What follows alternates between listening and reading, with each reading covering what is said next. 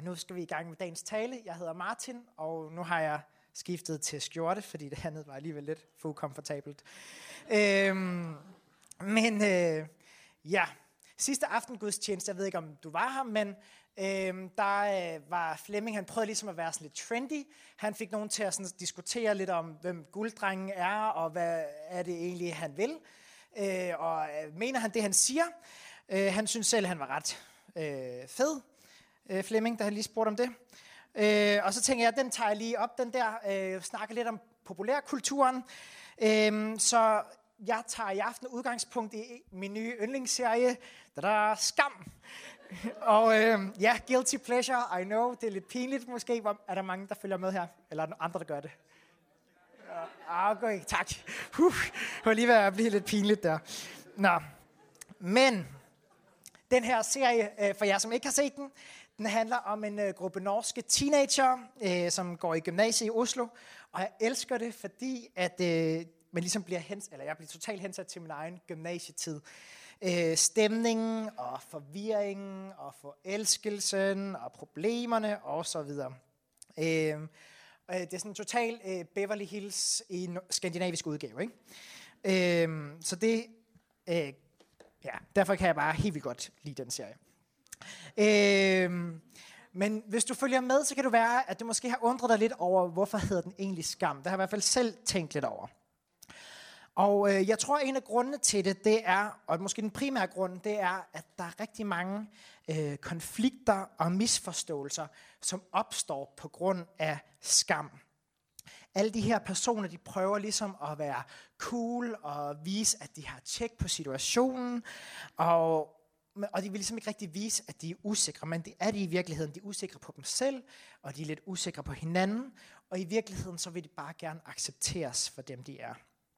Og øh, selvom det her det foregår i sådan et teenage-univers, øh, så må jeg bare ærligt indrømme, at jeg bare virkelig godt kan genkende mig selv i nogle af de her hverdagsproblemer.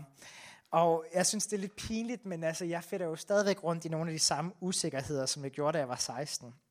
Og øh, noget, jeg synes, der er lidt pinligt at indrømme, det er øh, et af de her lidt klassiske problemer, ikke? men det er, jeg ville så gerne være hævet over, hvor mange likes jeg får på Instagram og på Facebook. Øh, men jeg kan alligevel mærke, at der sker noget inde i mig, hvis der er overhovedet ikke nogen respons på det, jeg lægger op. Eller sådan lidt, ej, så føler jeg mig totalt usikker og dum. Og på et tidspunkt, så er der også en, hun er sådan i serien, hun er sådan lidt i tvivl, om hun skal add en friend, eller om hun skal lade være. Det er sådan lidt risky, og så gør hun det, og så, sidder hun, og så bliver hun totalt lettet det øjeblik, hun får en, øh, sådan en øh, notifikation om, at, at den anden har accepteret vindeanmodning. Ikke? Men man kender det jo bare så godt fra sig selv, at man sidder der sådan, well, det, man risikerer lidt, hvad nu hvis den anden afviser min øh, venneanmodning? Øh, please sige, at jeg ikke er den eneste, der ligesom synes, har det her. Nå, men øh, det er det her, øh, emnet er i aften, det er selvudlæggelsesvåbnet skam. Og det er det, vi skal tale om. Øh, men øh, inden vi går videre, så synes jeg lige, at øh, vi skal øh, bede sammen. Øh, kære Gud, tak fordi, at øh, du er her, og tak fordi, at vi kan øh, mødes og øh, synge sange til dig og tilbe dig og øh, Øh, lære dig bedre at kende. Øh, Jesus, vi kommer fra øh, måske en travl uge, eller det kan være, der er sket ting i vores liv eller i vores hverdag, som, øh, ja, som vi tager med os i dag, og, og derfor måske er et eller andet andet sted i vores hoved. Jeg beder dig om, at vi må kunne lægge det lidt til side nu, og øh, bare komme ind foran dig og høre, hvad du har at sige til os. Øh, og øh, vil du bare gøre vores øh, hjerter åbne for dit budskab. Amen. Ja, jeg vil starte med at fortælle en lille historie. Øh, måske har nogle af jer hørt den før, men jeg synes, den er så god, så den kan faktisk godt gentages. Øh, fordi for cirka et år siden, der gjorde jeg noget virkelig dumt. Øh, det var øh, torsdag morgen, og jeg skulle have Kasper, som var her lige før, øh, til morgenmad. Øh, og så inden han kom, så tænkte jeg, jeg vil egentlig gerne lige have et bad. Øhm, og det er så sådan, at jeg øh, bor i sådan en øh, klassisk øh, Nørrebro-lejlighed med sådan et lille skabstoilet øh, i køkkenet, og så har jeg så mit bad i kælderen. Jeg ved ikke, om I kender de lejligheder. Men øh, jeg tager min morgenkop på og træsker ud i køkkenet, og så da jeg kommer til bagtrappedøren, så kan jeg se, at øh, den der slålås ligesom er slået til side. Og så tænker jeg, nå, nå det er nok fordi min roomie han allerede er i bad. Øh, men det tænker jeg, tænker jeg ikke videre over. Der er flere bade dernede, så jeg fortsat bare ned ad trappen. Og, øh, og tænkte, ja, tænkte ikke mere over det. Og jeg stod dernede i badet og var nok lidt langsom. Jeg var lidt groggy den morgen, så jeg skulle lige vågne under bruseren. Og så da jeg endelig er på vej tilbage op til lejligheden og kommer til min bagtrappedør, så er den så lukket og låst fra indersiden. Og jeg bliver så en lille smule øh, sådan, er der noget, et problem nu? Så øh, jeg begynder at banke på døren og sige, øh, Michael, øh, åbner du ikke lige bagtrappedøren? Og der er ikke den store respons. Og jeg prøver at banke endnu hårdere, og sådan, hey Michael, øh, jeg øh, står lige herude, kommer du ikke lige og åbner? Øh, der sker stadigvæk ikke noget, og øh, langsomt begynder panikken ligesom at sådan brede sig, øh, fordi at jeg ved, at øh, Kasper kommer inden for en halv time. Jeg har ikke handlet ind, jeg har ikke ryddet op, jeg har ikke min mobil, og jeg har ikke mine nøgler. Hvad gør man? Øh, og jeg begynder at sparke til døren og råbe Michael! Øh, men øh, der sker ikke så meget. Til gengæld kan jeg så høre øh, min nabo, øh, fordi det er en ret lyt ejendom, så jeg vidste ligesom godt, Michael han var der ikke. Men øh, min nabo kan jeg så høre sidder og spiser havregryn, og jeg kan høre den der dinge på tallerkenen, det går langsomt og langsomt, og tænker sådan, hvad sker der derude? Øh, nå, så til sidst så øh, tænker jeg, okay, jeg, må, jeg bliver nødt til at prøve et eller andet. Jeg prøver at komme ud på fortrappen, og jeg banker så på døren, øh, til min nabo, og for, sådan, det er sådan lidt den der akavede situation, hvor man står i klipklap og morgenkåb, ikke? Og, og sådan lidt, hey, må jeg lige komme øh, igennem din lejlighed? Og det fik jeg så lov til, og så kom jeg ud på fortrappen, og det er jo så ikke fordi, det er den store hjælp, når man stadigvæk ikke har nøgler, og stadigvæk ikke har mobiltelefon, men så stod jeg derude. Øhm, og så øh, var det så alligevel øh, så heldigt, at jeg nogle måneder forinden øh, havde øh, smækket mig selv ude, og øh, der havde jeg været i den forbindelse så nære, at jeg ikke ville have en øh, låsesmed til at komme forbi. Så der er sådan en plade hen over min hoveddør, som jeg så havde øh, banket ind, og sådan virkelig smadret det der stykke træ, der var henover. Og den havde jeg så aldrig rigtig fået taget mig sammen til at sætte rigtigt på igen. Så den havde jeg bare lige sådan lagt op tilbage oven på døren. Og så var det så rigtig smart nu, for nu kunne jeg bare lige skubbe den ind, og så kunne jeg kravle ind over døren igen. Øhm, men så stod jeg så der med morgenkåb og klipklapper, og det er lidt mere besværligt at komme ind igennem den der sprække, når man ikke har en stige. Så jeg øh, begynder ligesom at træde op på det der håndtag, og, øh, og sådan prøver så bagefter se, om jeg kan svinge mit ben ind over det der, sådan, så jeg kan få det ene ben ind, men det kan jeg ikke rigtigt på grund af morgenkåben, og det hele er bare lidt øh, kaotisk, og så øh, til sidst så øh, øh, jeg ved ikke rigtig, hvad jeg skal gøre, så jeg vælger bare at lave sådan det der Superman-hop ind igennem, øh, og med hovedet først, og får på en eller anden måde taget lidt fra med nogle hænder, men jeg sådan får skravet mine ben op i døren, og øh, får væltet dørtelefonen ned, og lander uheldigt, og øh, slår så min fod ret kraftigt. Og, øh, og jeg humper rundt der, og skal prøve ligesom at gøre klar til, at Kasper kommer og sætter pladen på plads, og så begynder min fod bare at dunke helt vildt. Og jeg er sådan typen, der lider af blod forbi. Øh, og det er arveligt, skal lige sige. Så det er altså ikke noget øh, af et traume eller sådan. Det er bare fordi, det ligger i familien. Øh, det siger jeg i hvert fald til mig selv. Og, øh, og jeg er ved at besvime op til flere gange. Og øh, jeg får lige sådan ringet til Kasper og sagt, at han ikke lige kan komme en halv time senere. Og så, øh, så skal jeg sådan gå, har jeg sådan en pose med frosne ærter nede i min sok, og sådan, det hele er bare sådan lidt øh, åndssvagt, og jeg er ved at besvime nede i Netto, og bliver nødt til at blokere køen, fordi at, ellers så vil jeg, jeg vil ikke vælte der midt i gangen, så jeg sådan, sidder der og tager sådan et fint tag, øh, som min mor har lært mig. Yes. Øhm, nå, yes. Men så øh, sker der så det, at øh, efter lidt tid, så, så kan jeg jo godt sætte sjov i det, og haha, og så kommer jeg ind i kirken, og, øhm, og så griner lidt af det og fortæller det til Martin Lindhardt. Jeg ved ikke, om I kender ham, men Martin han er vores administrator her i kirken, og min gode ven. Øh, men hvis I kender ham, så kan I måske godt sådan, få den der sådan, fornemmelse af, at han kan godt få en til at føle sig lidt mere dum, end man selv går og føler sig i forvejen. Øhm, øh, det er sådan en evne, han har. Øh, og øhm, ja, og øhm, altså, han øh, sagde det her øh, quote, Martin Lindhardt, du er da en idiot. Hvorfor tog du ikke din morgenkåb af? Det havde været meget nemmere at komme igennem døren, hvis du ikke havde haft din morgenkåb på, når du kravlede ind øh, igennem sprækken. Og det tænker jeg, det er rigtigt, fordi jeg havde jo underbukser under, så kunne jeg godt bare lige have gjort det. Og så, men det var, og det var sådan et meget akavet sådan måde at komme ind på med den der morgenkåbe. Ikke? Så det var nok rigtigt nok. Øhm, og den lidt lang forhistorie for det, jeg vil hen til. Ikke?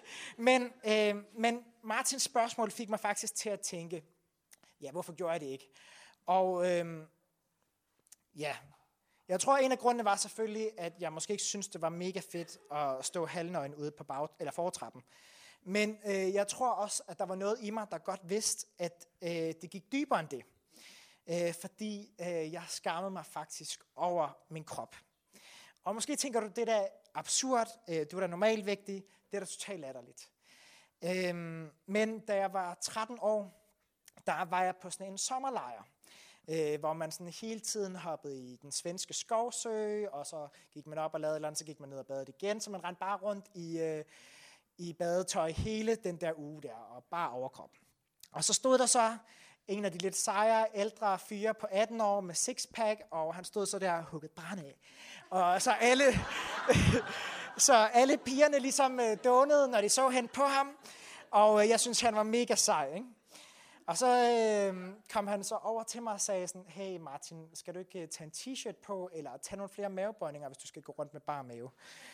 Øhm, og jeg ved ikke, om I kan forestille jer, men sådan lidt usikker teenage-dreng på 13 år, der går det bare lige ind i hjertet.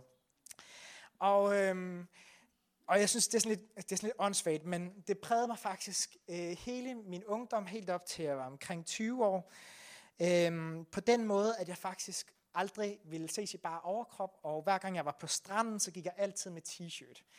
Og øhm, jeg ved godt, det er fjollet, og jeg er også kommet videre, sådan nogenlunde i hvert fald.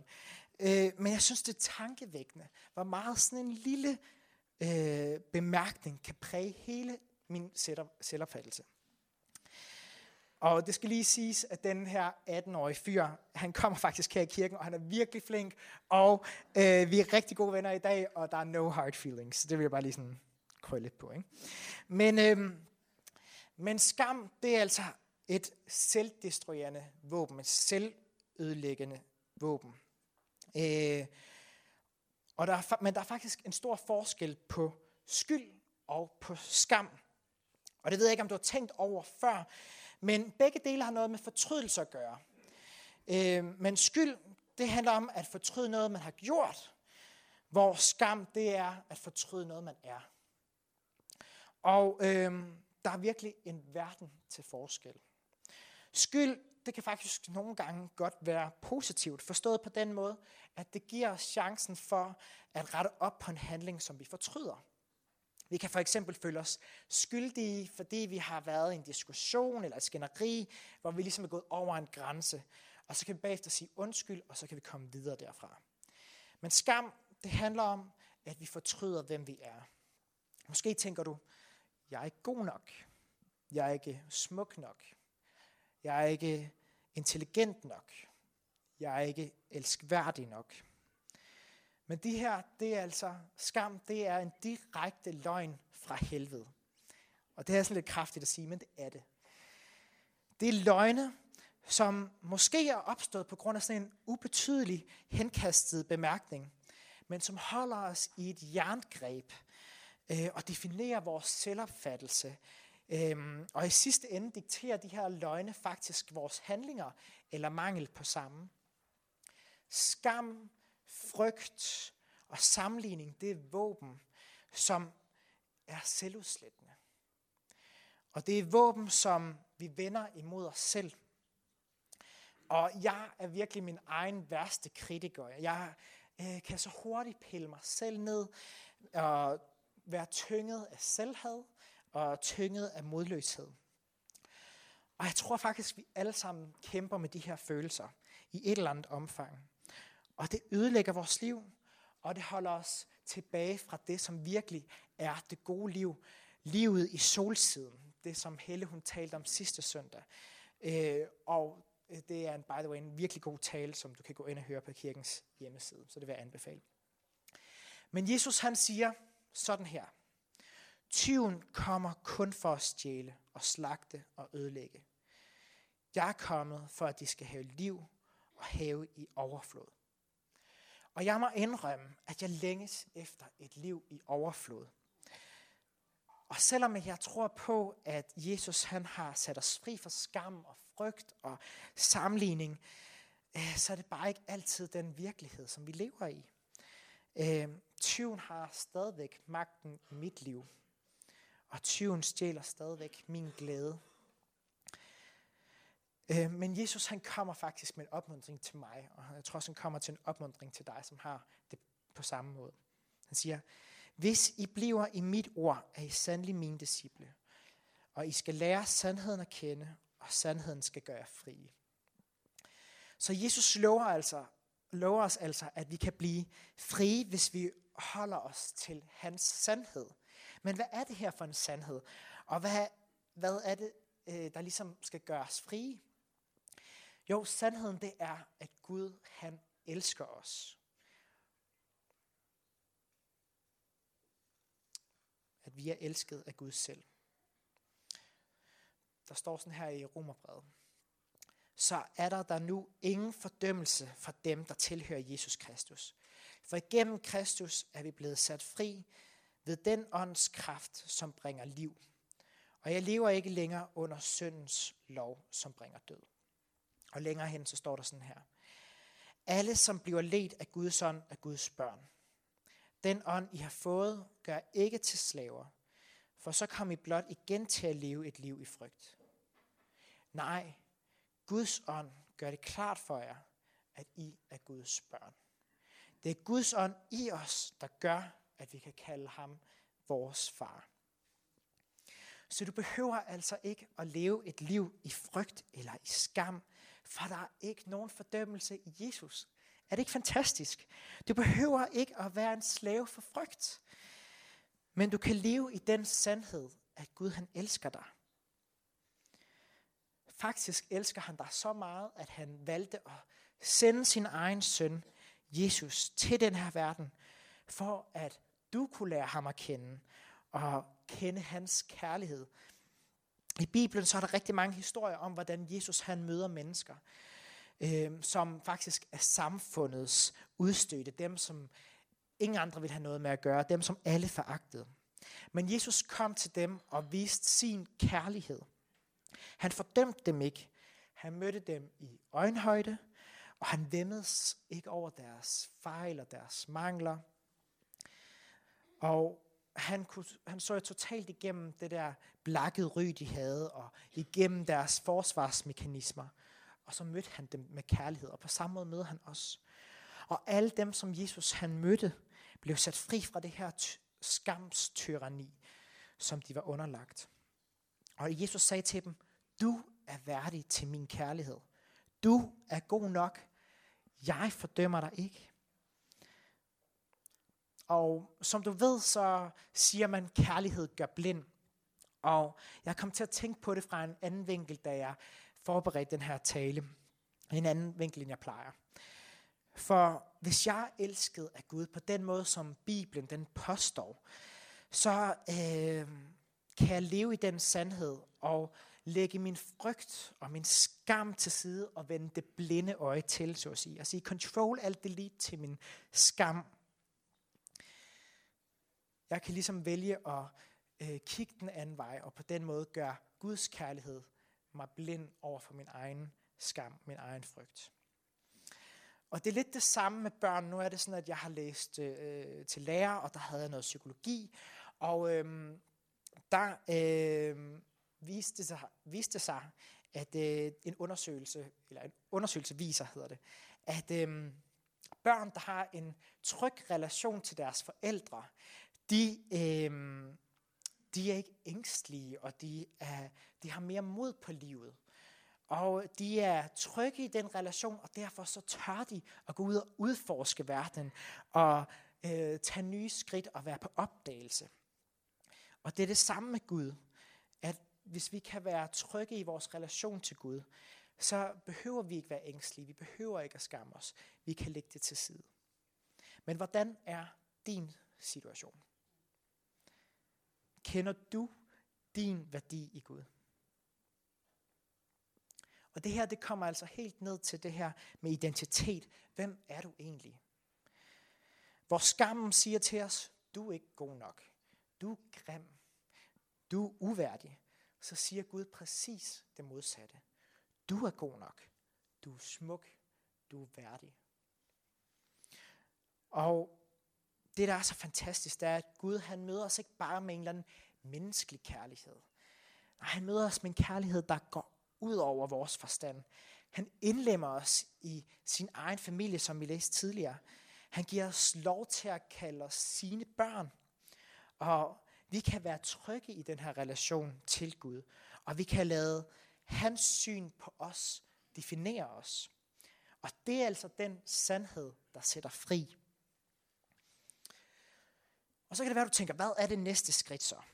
Det, og det er her, og det her med, at, øh, kan man sige, at Gud han elsker dig, det er måske ikke noget nyt for dig. Måske har du sådan kommet i kirke i mange år, og ligesom hørt det her, åh, Gud elsker dig.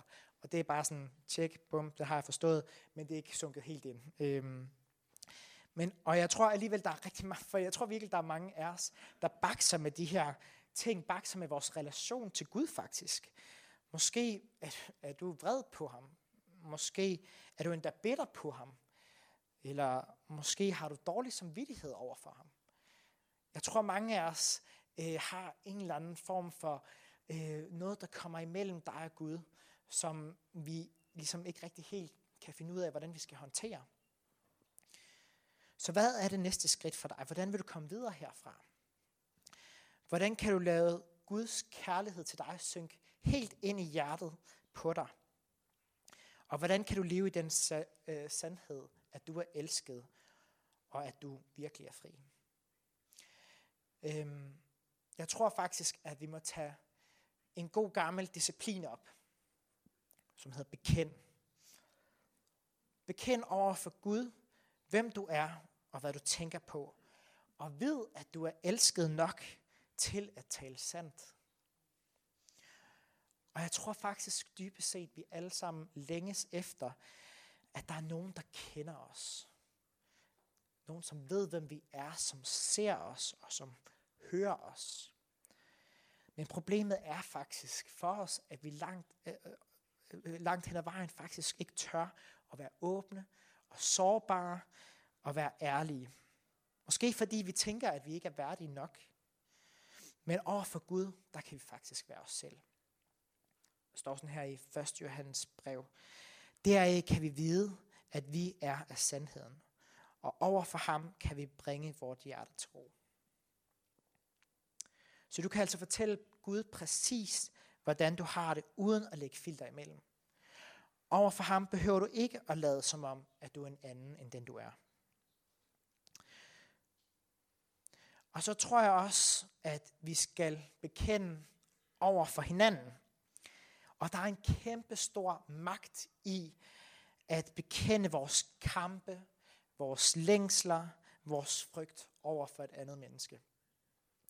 For cirka tre år siden, der øh, øh, lige inden jeg skulle til at være præstelærling, øh, der øh, gik jeg faktisk, øh, begyndte jeg faktisk i noget terapi hos en, øh, en præst, som kommer i en anden kirke. Og øh, jeg havde nogle øh, destruktive tankemønstre øh, og noget skam, øh, som øh, åbenbart øh, havde båret rundt på i overvis. Øhm, og jeg vidste ligesom, at hvis jeg skulle komme videre, hvis jeg skulle tage det næste skridt i min tro, så var det på tide, at jeg bearbejdede nogle af de her ting. Og det kom faktisk lidt som et chok for mig, da jeg var der til de der samtaler, at jeg havde så mange ubearbejdede ting i mit liv. Øhm, det var sådan lidt, jeg synes da egentlig, jeg havde det meget godt. Men så når man begynder at rode op, så bliver man sådan lidt, nå okay, øh, der er nogle ting her, som har sat dybe spor i mig, og nogle, nogle tanker, som virkelig ikke er særlig, øh, som helt sikkert ikke kommer fra Gud. Og jeg oplevede bare, at det simpelthen var så befriende at være åben, og være sårbar, og bekende mine kampe.